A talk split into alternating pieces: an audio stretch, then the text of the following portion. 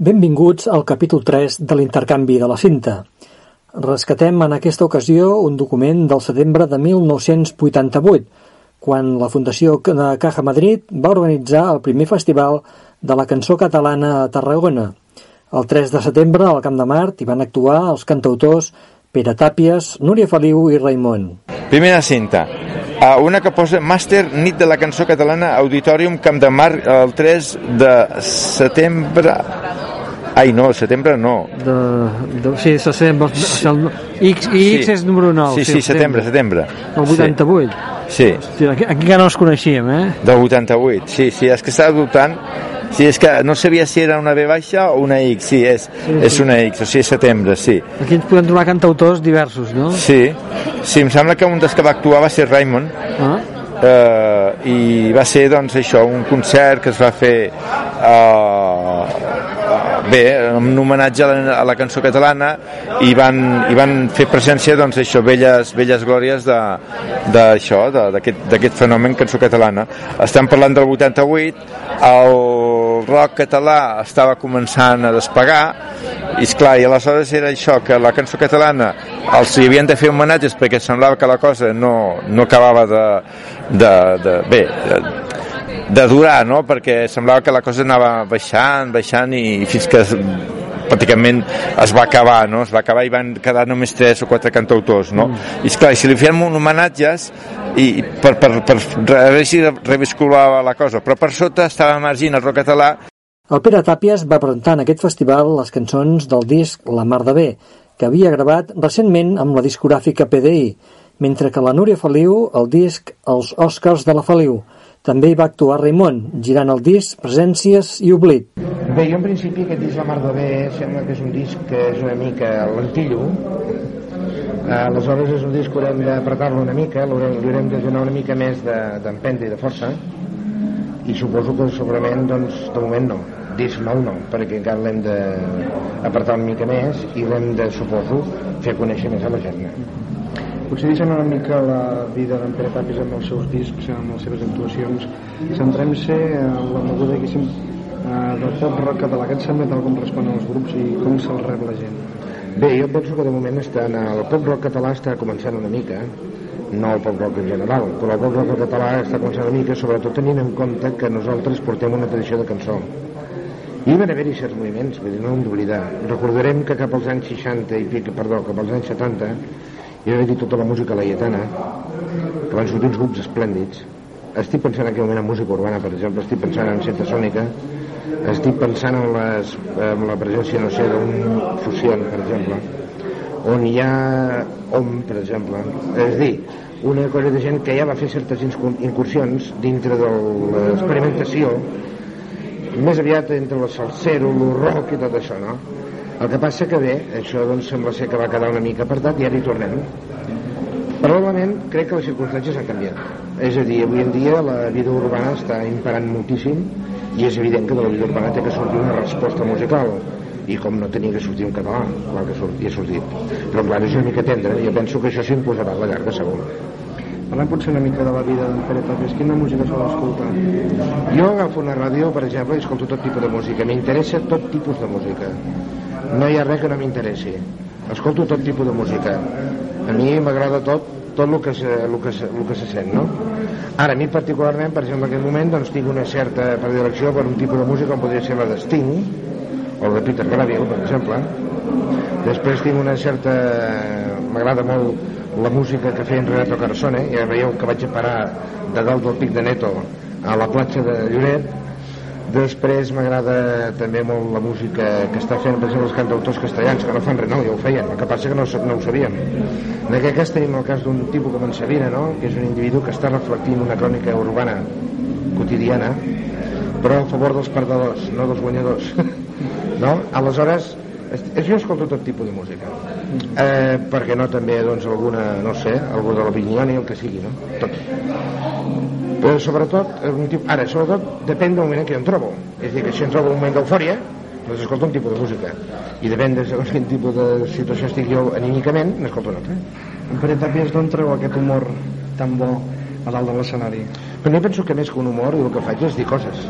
I aquestes coses que les dic les dic d'una manera, d'una forma una miqueta així eh, la, la, la, la, que surti. No és improvisat evidentment, sinó que està tot perfectament estudiat i meditat excepció d'algunes coses no? Però generalment jo acostumo a fer les coses una miqueta totes premeditades però sense passar l'acudit.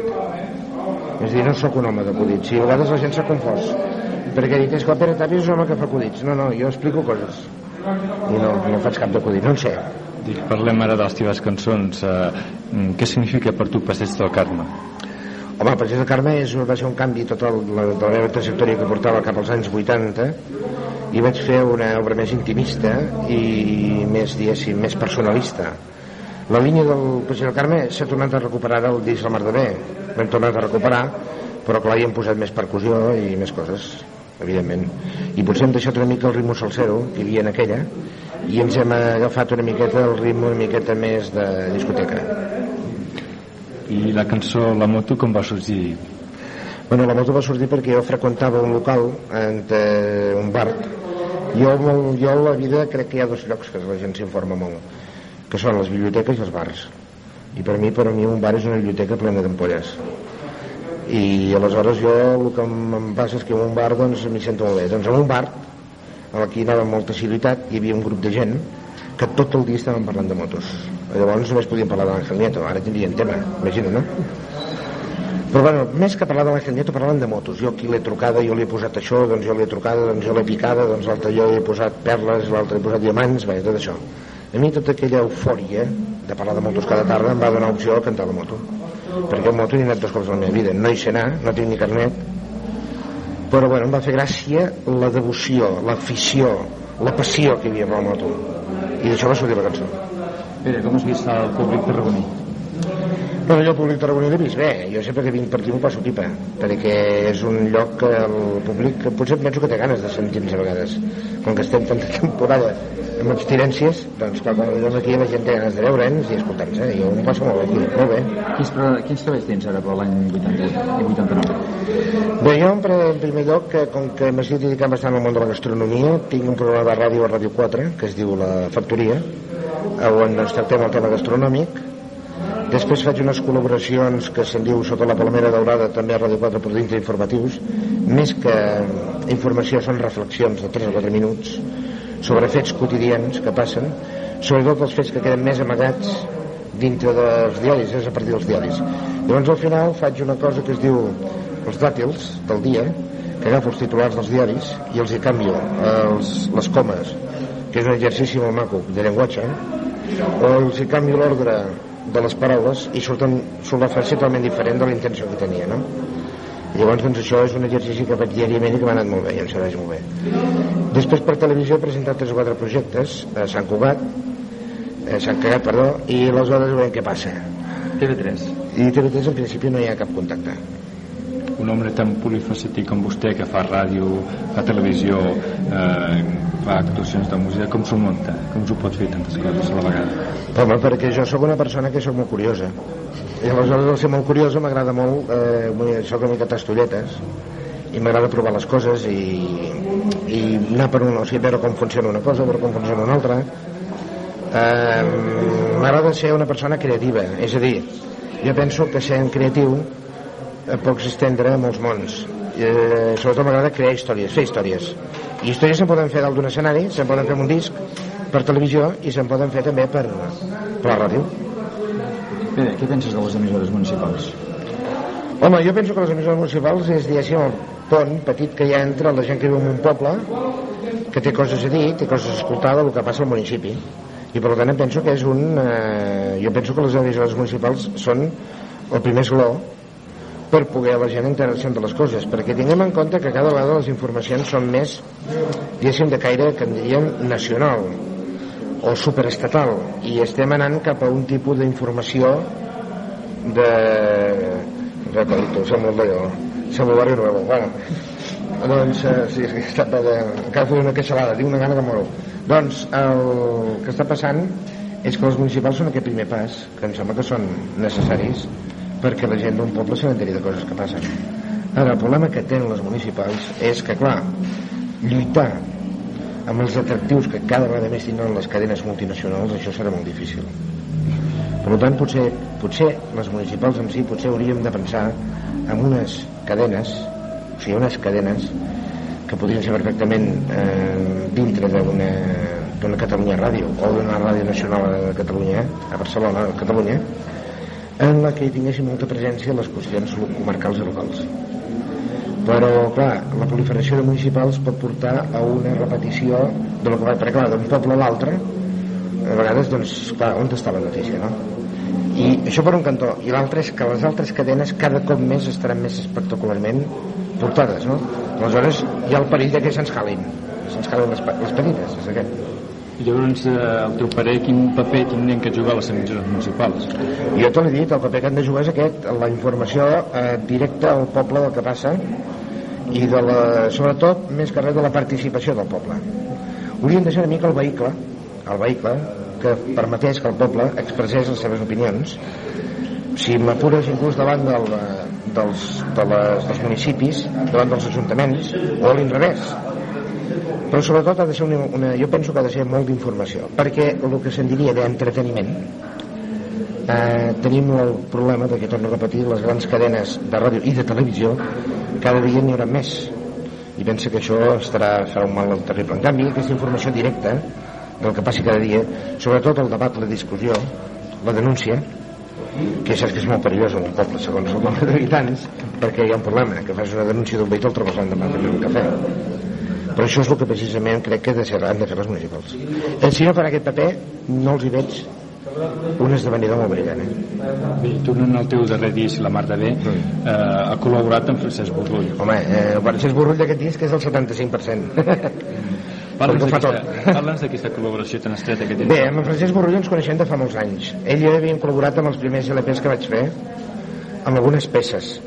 Però concretament a partir de la, del disc 400 pendons ja fem una col·laboració estreta que es manté amb el Passeig del Carme, es manté amb el Xany dels Ibarretines, perdó, amb el Xany dels Ibarretines no, no ho fa ell, ho fa un altre xicot, i ara l'hem tornat a repetir amb la Mar de Bé. Jo crec que, fruit de la col·laboració, el disc del Mar de Bé i el Passeig del Carme són els dos més aconseguits a nivell Borrull i meus.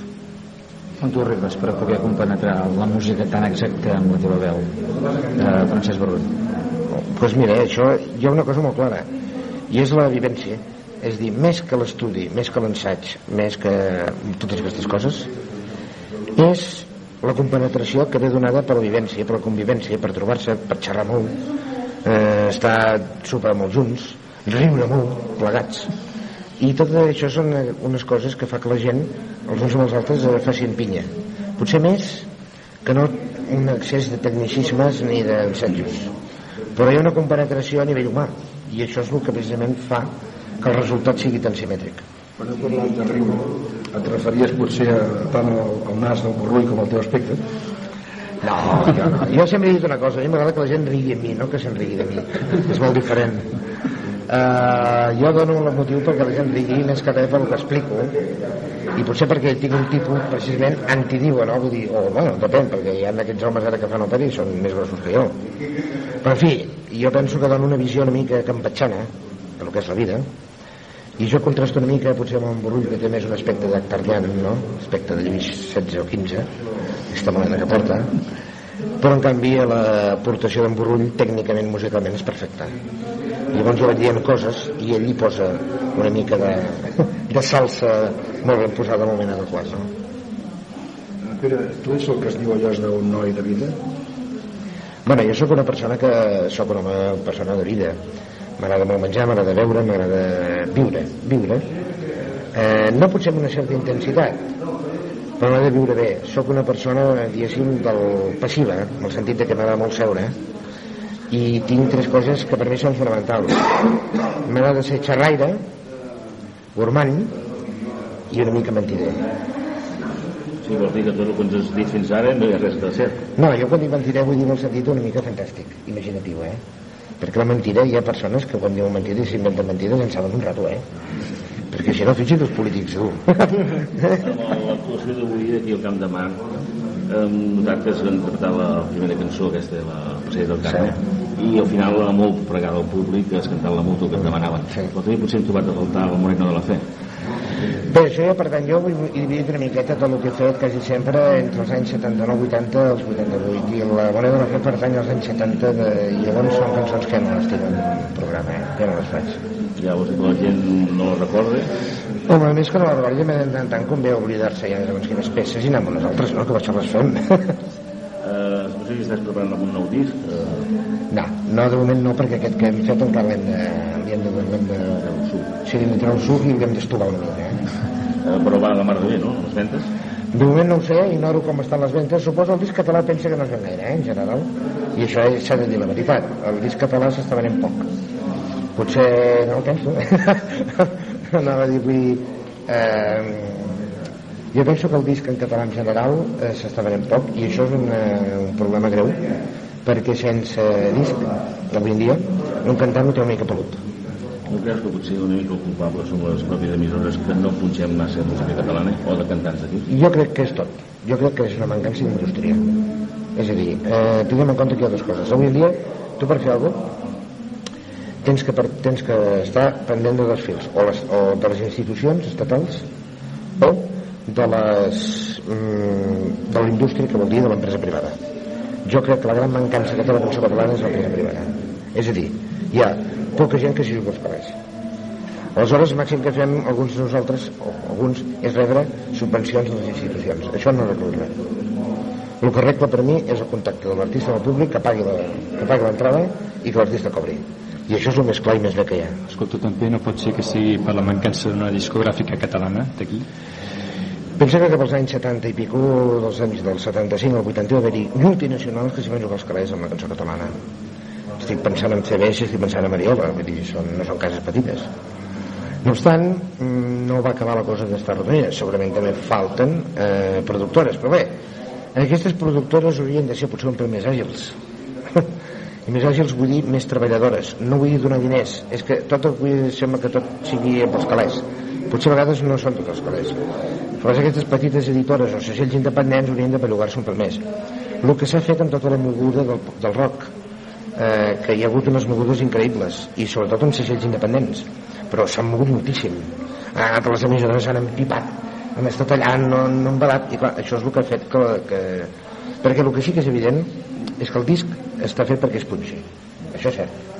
Però darrere de tot això ha d'haver-hi un impuls, hi ha d'haver-hi algú que per darrere vagi espitxant, que tornem-hi i som-hi, som-hi, que tingui un fracàs, que torni. Per mi és això. Eh? I això és una indústria. O sigui, en petita escala, però és indústria.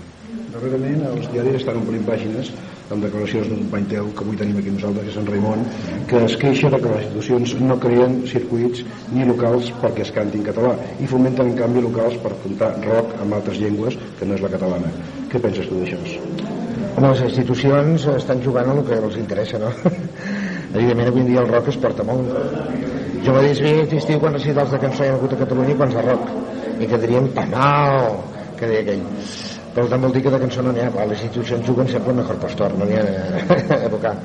No obstant, penso que les institucions sí que haurien de- d'estar una mica més atents a la cançó, sobretot per la creació de, més que de circuits de locals uns locals adients una mica estratègicament situats però ja tornem a ser torna a ser un problema de treball, de treball, de treball, de treball Darrerament s'ha realitzat una gira organitzada per la Generalitat ben organitzada, entre cometes, un senyor que es diu Lluís Mercader, de professió eh, librero, amb tot el respecte a l'inspira a mi, els senyors que es dediquen a vendre llibres, i ha sigut un desastre total, fins al punt de que hi ha hagut sales on hi havia 70 persones, comptant sales de màxima capacitat, això. Eh, a, què, a què es deu això?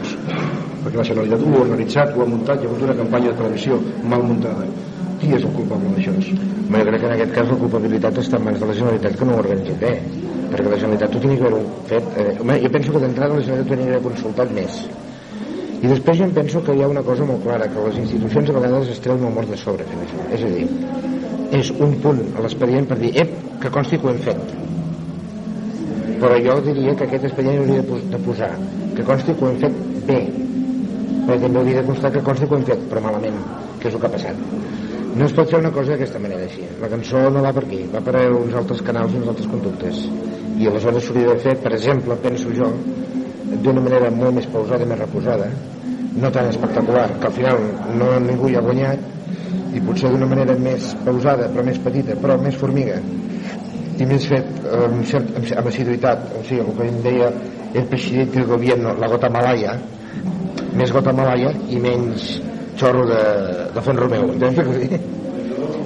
el fet de que Pere Tàpies sigui Pere Tàpies eh, s'ha menjat d'alguna manera en Joan Colell Sí, sí, sí, sí, lamentablement o, o sortosament perquè cada cop és menys la gent que en diu Joan Collell evidentment la gent en diu Pere Tàpies i cada cop més, més i més i per què Pere Tàpies? Bé, Pere Tàpies va sortir perquè quan jo vaig fer el primer disc la casa de disc em va dir escolta, això de Joan Collell Xirau és un cognoms que no es quedaran, eh? això no, no farem res amb això aleshores vaig dir, escolti, doncs ja li triaré un nom. I llavors vaig tirar el Pere Tàpies que era un oncle per part del meu pare que es deia Pere Tàpies del Mau em vaig quedar al del Mau a la Diputació i em vaig quedar al Pere Tàpies jo Pere Tàpies, em vaig quedar al Pere Tàpies i així va sortir el nom de Pere Tàpies i també van perdre un advocat el, el Pere Tàpies cantant va deixar el Joan Collell advocat Sí, bé, jo vaig tenir que prendre una opció. Eh, és a dir, jo penso que la, la carrera d'advocat és una miqueta la, com, com fan aquests que fan les Olimpiades no? que primer fan unes proves no? els atletes i diuen tu per llançament de, de, de pes tu els 400 balla tu, però primer fan un gran exercici i una gran preparació física que és la gran diferència que entre els futbolistes del nostre país i els de l'estranger que els de l'estranger porten una excel·lent preparació física i després alguns són moment, sí,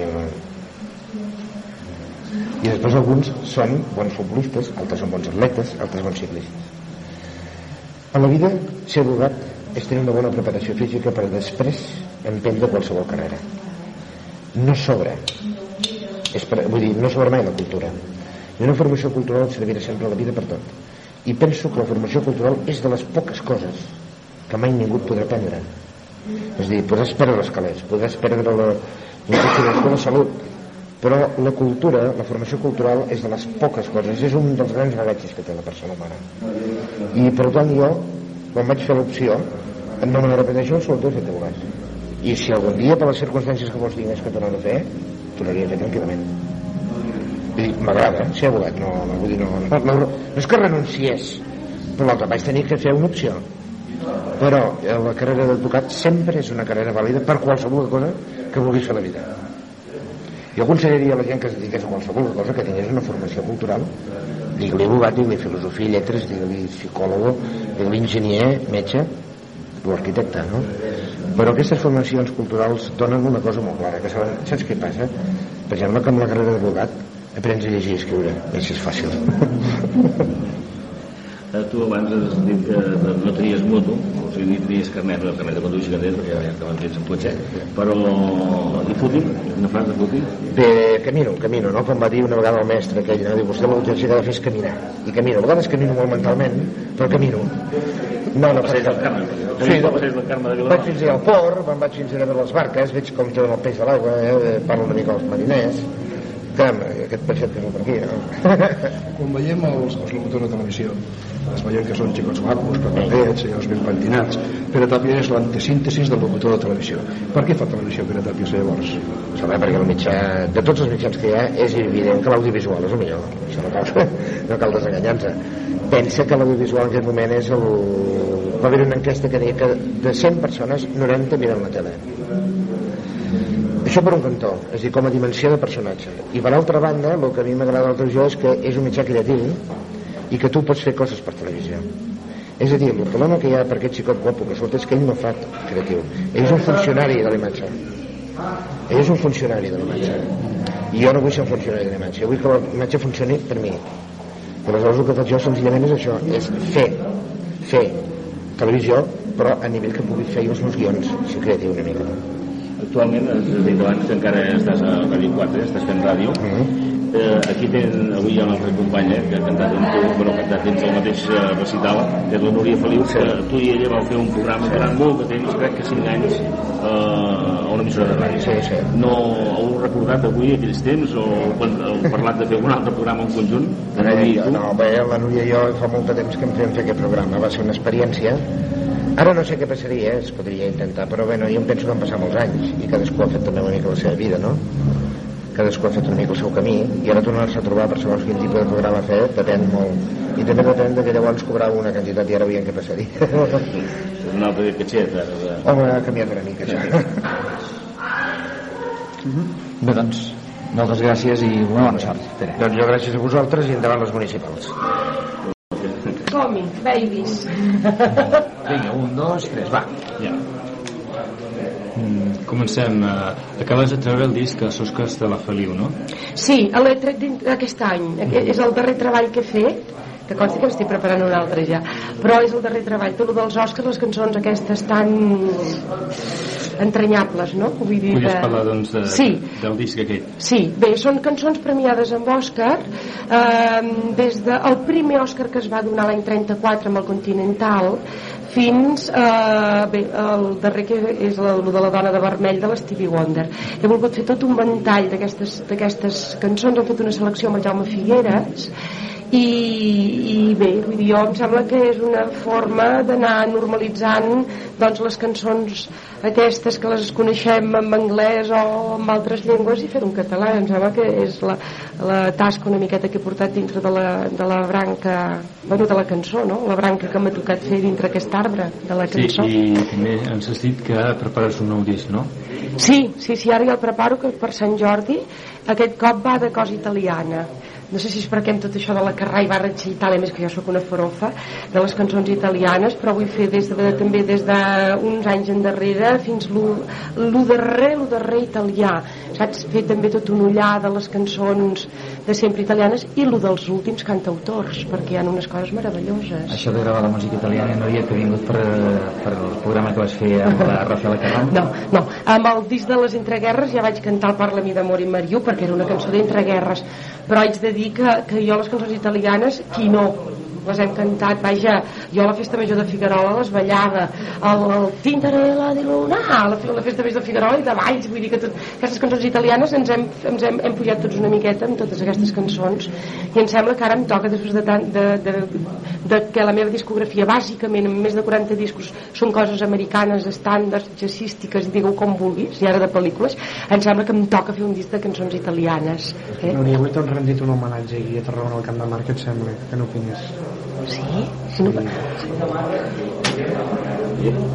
Um, homenatge més que homenatge bé, no, no, no, no, no homenatge no. Ha estat una trobada, una trobada més dintre, dintre les actuacions. Vull dir que més eh, entén-me, m'explico no, no, no res especial vull dir, ha estat una actuació com aquestes que, que, que anem fent però que la gent vibra i que la gent ui, ens diem moltes coses eh? ni que només sigui jo la que parli que la que canti però t'asseguro que ens diem moltes coses i això es nota molt arran de, així, arran de pell eh? Escolta, les cançons d'entreguerra, quin significat tenen avui dia?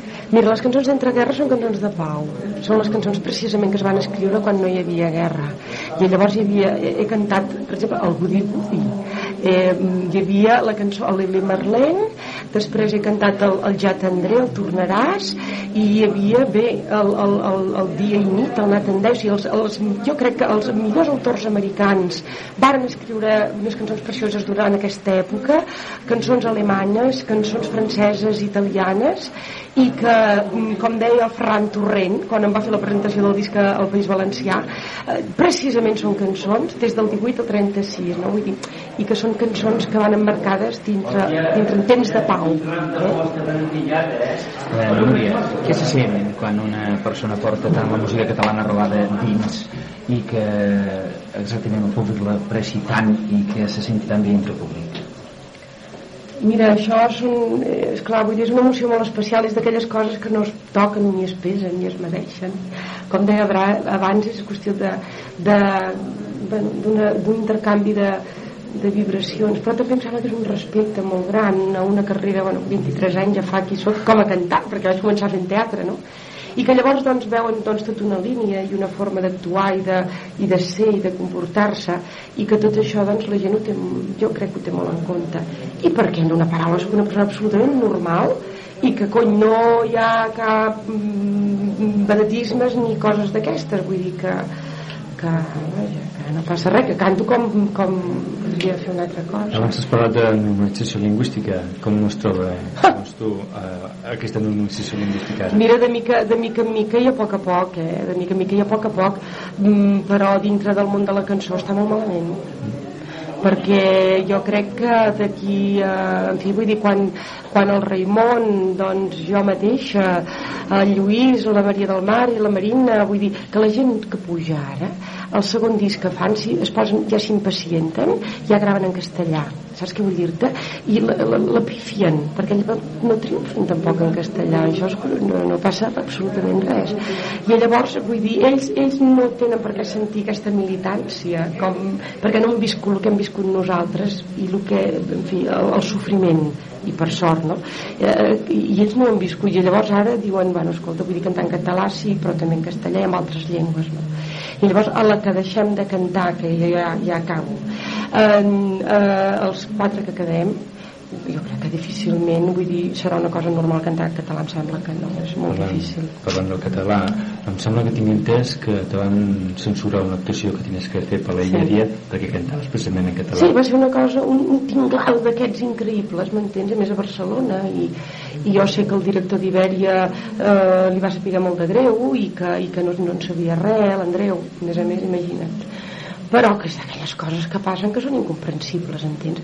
I que perquè hi havia gent de fora es pensaven que, que, bueno, que havia de cantar alguna cosa en castellà i tot plegat, i esclar, no. Llavors va fer aquella noia la Pecamins, una noia que va venir i va cantar, va cantar en castellà, va cantar dues cançons en català i després ho va fer tot en anglès i així ho van trobar-ho perfecte. Però bueno, és igual, vull dir, però que això encara passa, eh? El públic tarragoní respon a les cançons de la Feliu. Home, mira, no ho sé, però jo procuro fumar-li marxa tot el que puc. I això que eh, aquest, aquest foso que hi ha aquí és difícil, eh? Però m'he fet posar un micro d'aquests inalàmbrics i dic, escolta, jo o toco la gent o em moro, perquè si no toco la gent estic perduda. És una cosa que a més a més d'allò necessita tocar-la la gent i que em toquin, vull dir, és una cosa física també, saps?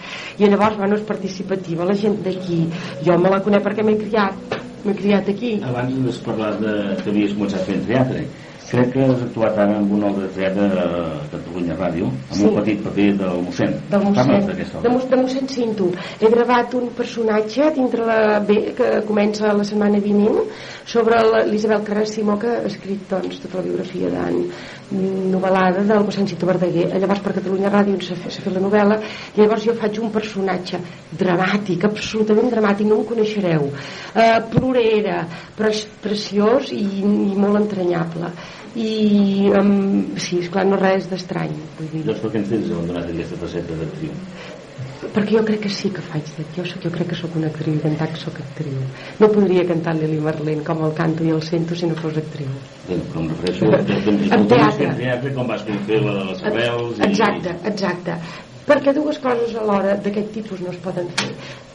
Um, saps què passa? Que, que per fer teatre t'hi has de dedicar mesos preparar-te a ja les representacions i aquí en català, cantant només en català i moure'ns només dintre l'àrea de països catalans hi has d'estar tot molt a sobre i ho has de cuidar molt i, es, i, es, i no parar i no pots desaparèixer a mig any o un any d'escena i dir vaig a fer un any sabàtic. Això ho poden fer els que canten en moltes llengües però els que cantem només en català fem un any sabàtic i haig d'anar a plegar ballanes perquè mm, vivim almenys jo jo el que guanyo és per, pel dia i treballo i visc el dia perquè a mi cantar només en català no em permet poder fer anys sabàtics ni molt menys. Però cantar en català tu t'han escoltat a Grècia t'han escoltat a Bèlgica t'han escoltat a Nova York. Sí. acompanyat pel Tete Montolín ni més ni menys. Sí, però ens ho expliquem tot i no diem mentides. Mm, com triomfar a París entens? Uh, això no es pot dir així com així. Jo puc anar a Nova York a actuar al Waldorf Astoria uh, uh, i actuar amb el Tete Montoliu mm, però actuo per un cercle de gent jo puc estar a Sud-amèrica, a Buenos Aires a Caracas i actuo pels catalans. Jo me'n puc anar a Múnich voltar tota Europa i vaig als casals catalans. I me'n puc anar a París i canto per la gent catalana. No diguem mentides. No puc dir que he triomfat a Amèrica ni que, perquè no entro dintre el canal normal del showbiz que es canta en un idioma que és el castellà perdó, que és l'anglès o el castellà si entres dintre la parla de los Julios Iglesias. Entens? O del, o del Juan Manuel Serrat. És igual. Però en català només no, de cap de les maneres. Ara, m'han sentit i Atenes i anat al festival d'Atenes amb 120.000 espectadors i cantat una cançó. Però això és una cosa i si jo he dit que he triomfat a tal lloc en català és una llengua minoritària i això ho hem de reconèixer tots ara per mi és la més gran del món i la, i la que té més riquesa de vocabulari no? Núria Feliu, Núria d'Estiu eh, ets dona de ràdio perquè ara recordàvem el Pere Tàpia és un programa que vosaltres També. dos vau fer Sí. i tu cada any Em va fer patir molt, eh? Em va fer patir molt, eh? Sí, sí, és veritat, vam fer el programa. El que passa que ara fa 3 anys que vaig cada estiu aquest programa Catalunya Ràdio sobre eh, bueno, perrons sentimentals, Núria Feliu, Núria d'estiu, aquelles cançons que normalment no s'escolten, tots aquests autors americans, cançons de la Linda Ronstadt, de la Fitzgerald, de la Carmen McRae, del, bueno, del Mel Tormé, de tota aquesta gent que a mi m'encanta, i que normalment en general, vaja, no es programa. I llavors als estius, doncs, eh, Catalunya Ràdio tinc un espai cada dia a les 5, Núria, o sigui, a les 5 tinc swing. Eh? Bueno, aquest era el nom de l'any passat, no? I, Sí. i si enguany és Núria Feliu, Núria Núria d'Estiu. I abans era Núria de nit. Per raons Núria sentimentals, per raons sentimentals, saps? Per raons sentimentals. Ens has parlat de la cantant l'Elsa Fitzgerald. L'Ella Fitzgerald, És gran- Crec que tu tens eh, vas tindre una relació. Home, relació no, però sí que t'haig de dir que per, quan va venir per primer cop a, a, a l'estat espanyol i va trepitjar el Prat baixant de l'avió, jo li vaig donar un ram de flors i li vaig dir Welcome to Barcelona. I això era a l'any mm, 60 65-66 perquè va venir a actuar amb a més a més junt amb el Duke Ellington i varen venir, present, varen venir a actuar al Festival de Jazz que jo vaig presentar al Palau de la Música al Festival de Jazz aquell any.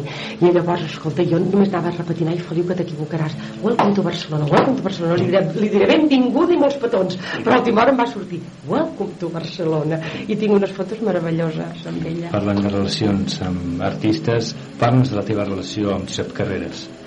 La relació és una relació eh, de sempre, de, des de sempre, perquè ha el meu pare, bueno, el- els meus pares amb els seus pares ja eren amics del barri, i el meu pare, eh, com que ensenyava a ballar sardanes a l'Orfeó, la seva mare també ballava, anaven a ballar al, circ, al cercle de Sants i, el, i, i bueno, que de, de, de petits, entens? Ell, ell té...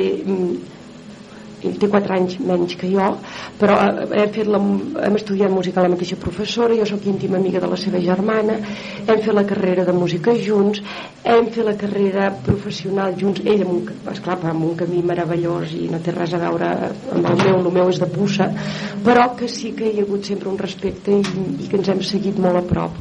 I quan fa 20 anys quan vaig celebrar els 20 anys de cançó doncs ell va participar amb el disc que vaig fer i em va fer aquest regal de que, vam cantar les dues cançons. Per cert la cançó de la pel·lícula Blade Runner que es va donar ahir per, te, per televisió era aquella d'un petó més amor meu tan preciosa i la vam cantar junts. La relació entranyable com un germà. I no puc dir res més que, que això.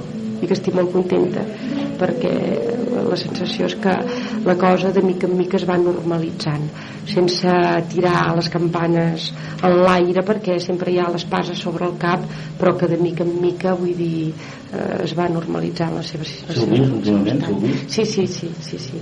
Es va... Té un altre, ja és un altre aspecte el que té. El que passa que a mi em fa molta por perquè el veig molt esbarat i el veig amb ganes de fer moltes coses i ara els metges li han dit que en compte i que un cop una cosa només al mes perquè no podia ser. Eh? Però vaja, està bé. Tu l'anomenes Josep Maria, no? Es diu Josep es diu Josep Maria, però és dels pocs que potser que saben, Sí. totes les persones que saben que es diu Josep Maria. Sí, perquè és que ell tampoc ha lluitat per això. Ell no ha lluitat per dir per pel Josep. Ell s'ha deixat dir José.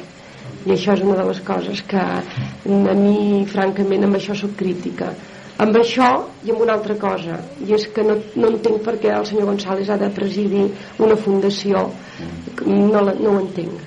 Aquestes coses, en fi, vull dir, no ho entenc. Eh, I com funciona la, la plaça que van anomenar els seus veïns de Sants? Bé, La placa La continua placa. al seu puesto?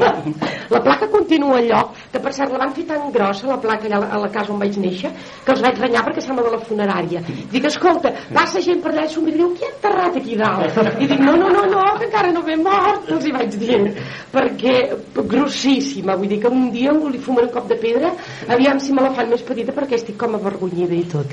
És una placa immensa, però per altra part és feta, escolta'm, amb tot el sentiment, a més a més que és una placa mm, demanada pel barri a l'Ajuntament de i Barcelona totes les entitats. De...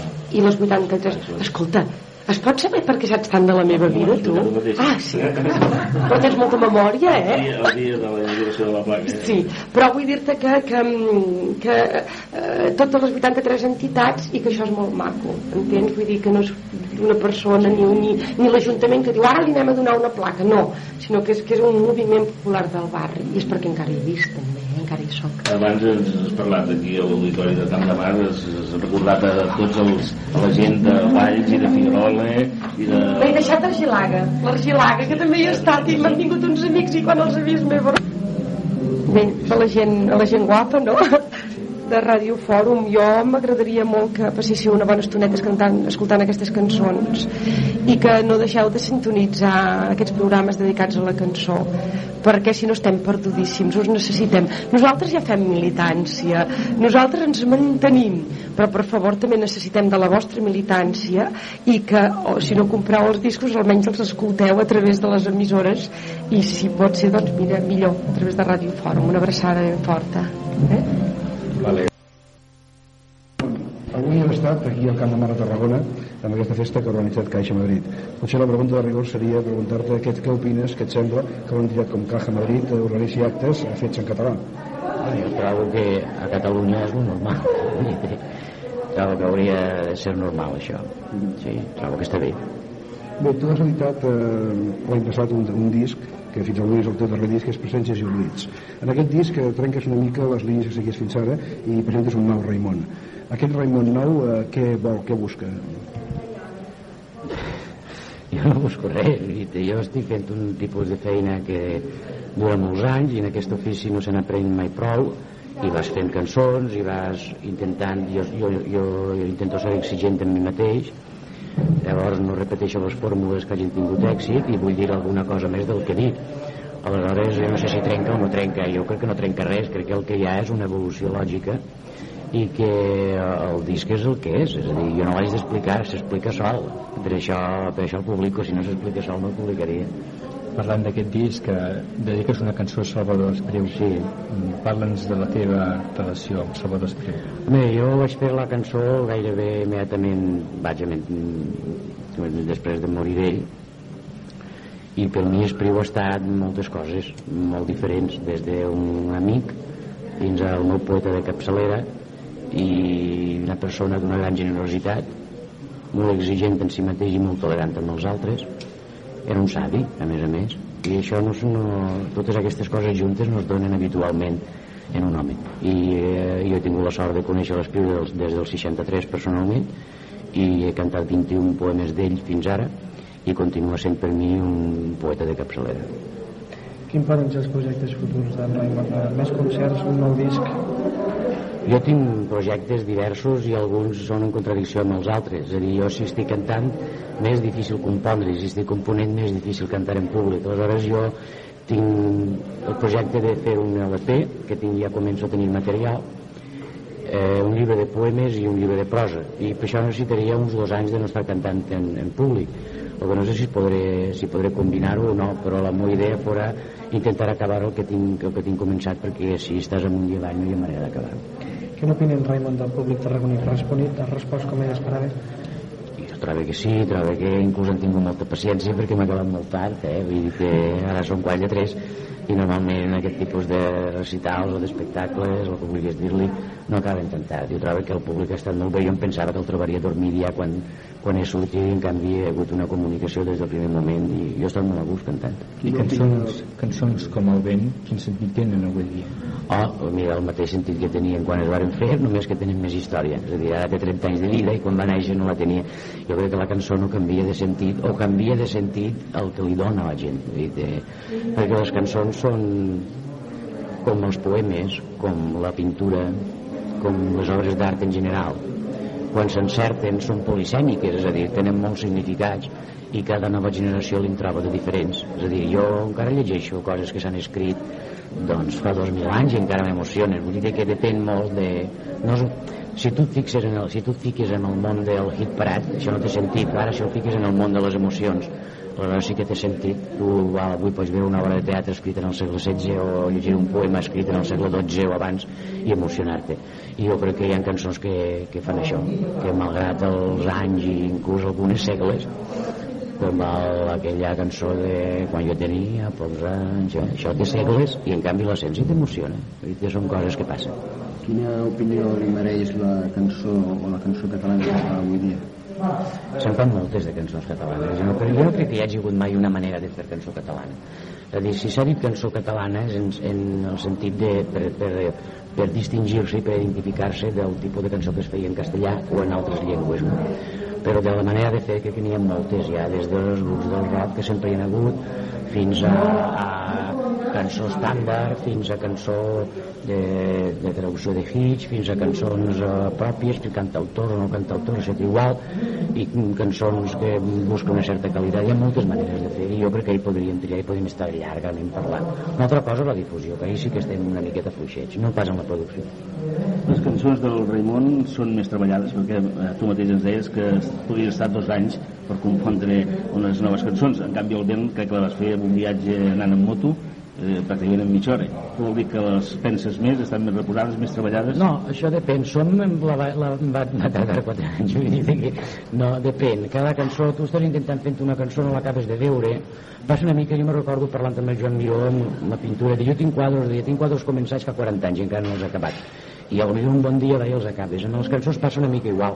És a dir, eh, quan tu no intentes fer un, un tipus de, de, de cançó d'estar present en, el, en els mitjans de difusió constantment, sinó que intentes fer un tipus de cançó que tingui una intenció artística, llavors te trobes en què, en què en trobes en això, com jo comences uns versos, diu això està bé per aquells versos, però els que venen després no estan bé i, i, i, i el deixes, i tornes i fins que no ho tens com tu t'agrada no, no ho publiquis i això pot durar més o menys temps, no ho saps mai. Ens has dit que parlaves d'aquest nou disc, que serà el 41, crec, de la teva discografia, i de poemes el quart. Si no vaig mal... No ho sé, no ho sé, no ho sé. Has perdut, has perdut el compte? No, no, no, no és que l'he perdut, és que no l'he trobat mai, no m'hi he fixat mai. No mai en els no. que portes enregistrats. No, abans, parlant de la, de la construcció de les teves cançons, la diferència potser entre les cançons que feies abans i les que passava és que abans hi havia unes motivacions polítiques que t'inspiraven més a l'hora de composar no, perquè el vent no té cap motivació política ni les cançons d'amor com el treballar del teu cos o un dia vols tampoc.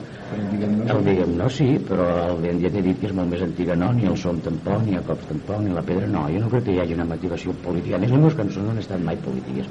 Han estat si tu vols cíviques és a dir, el que jo vull en la cançó sempre és no eliminar res d'allò que ens pugui, que pugui ser humà i tan humà és el problema col·lectiu com el problema estrictament individual que després resulta que també és col·lectiu. És a dir, que no és veritat que sigui estrictament individual aleshores la, et podia sorprendre perquè hi havia la dictadura i perquè ens ho posàvem fotut i difícil però Veles Edens o les cançons de la roda del temps o moltes d'aquestes o, o, o, o el que t'he dit el treball del teu cos o el com un puny han estat escrites durant la dictadura. Jo no he esperat que es morira el Franco per fer cançons d'amor eh? Vull dir, Darrerament, en Raimon està sortint una torgada ocupant pàgines senceres de diari eh, ja no us manifesteu, això són un diari no tenem però manifestes unes declaracions teves eh, queixant-te de que jo no m'he queixat mai, no, no, no, mai jo no m'he queixat jo el que faig és descriure una, una situació que no, hi ha un, que no hi ha un circuit on es pugui donar les coses que es fan en català. Però també és una descripció, no pas una queixa ja s'ho aprenyaran i aquesta cosa no existeix aquest circuit. Home, falta de voluntat evidentment de la part de la gent que ho pot fer de les institucions en general que se n'està foten d'això de, de cantar en català. Això, sí, doncs no, eh, però això no és cap queixa és pura, la pura descripció de la realitat eh? parla amb mi o parla amb el vulguis la gent que treballa aquest ofici ho sap molt bé. Però darrerament s'ha fet un circuit amb més actes en grups hi ha de tot, hi ha ajuntaments que sí, hi ha ajuntaments que no però això ha passat sempre, durant la dictadura era igual sempre han portat a les vedetes de la televisió. I, i ja són descomptades eh?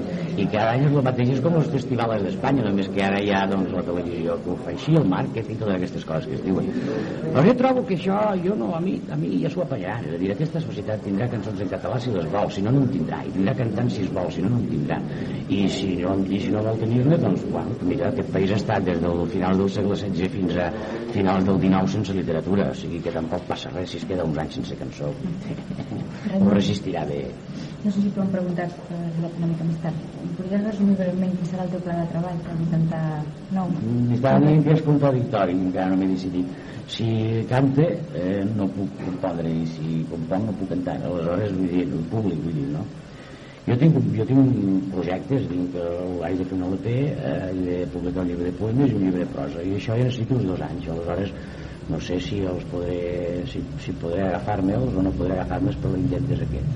Ara el més immediat és una cosa que em fa molt de goig, que és eh, eh, el Pla de la Música a València, eh, un, amb, amb l'Orquestra Simfònica de la Ciutat de València, que tots els poemes que he musicat d'Eusias Marc i em fa un goig de fer això és el dia 20 i 21 d'octubre i, i realment ara començarem a partir de prim, primers d'octubre començarem a assajar i pot ser dur però pot ser bonic què n'opinen Raimon de grups de música pop rock catalana com poden ser Doble Doble Engai Engai estan suficientment apoyats?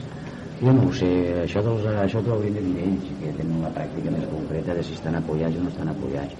Jo crec, ja ho he dit al començament, que en català es pot fer tot tipus de música i cada un fa la seva i en pau. És a dir, a mi em pot interessar o no, com me pot interessar o no,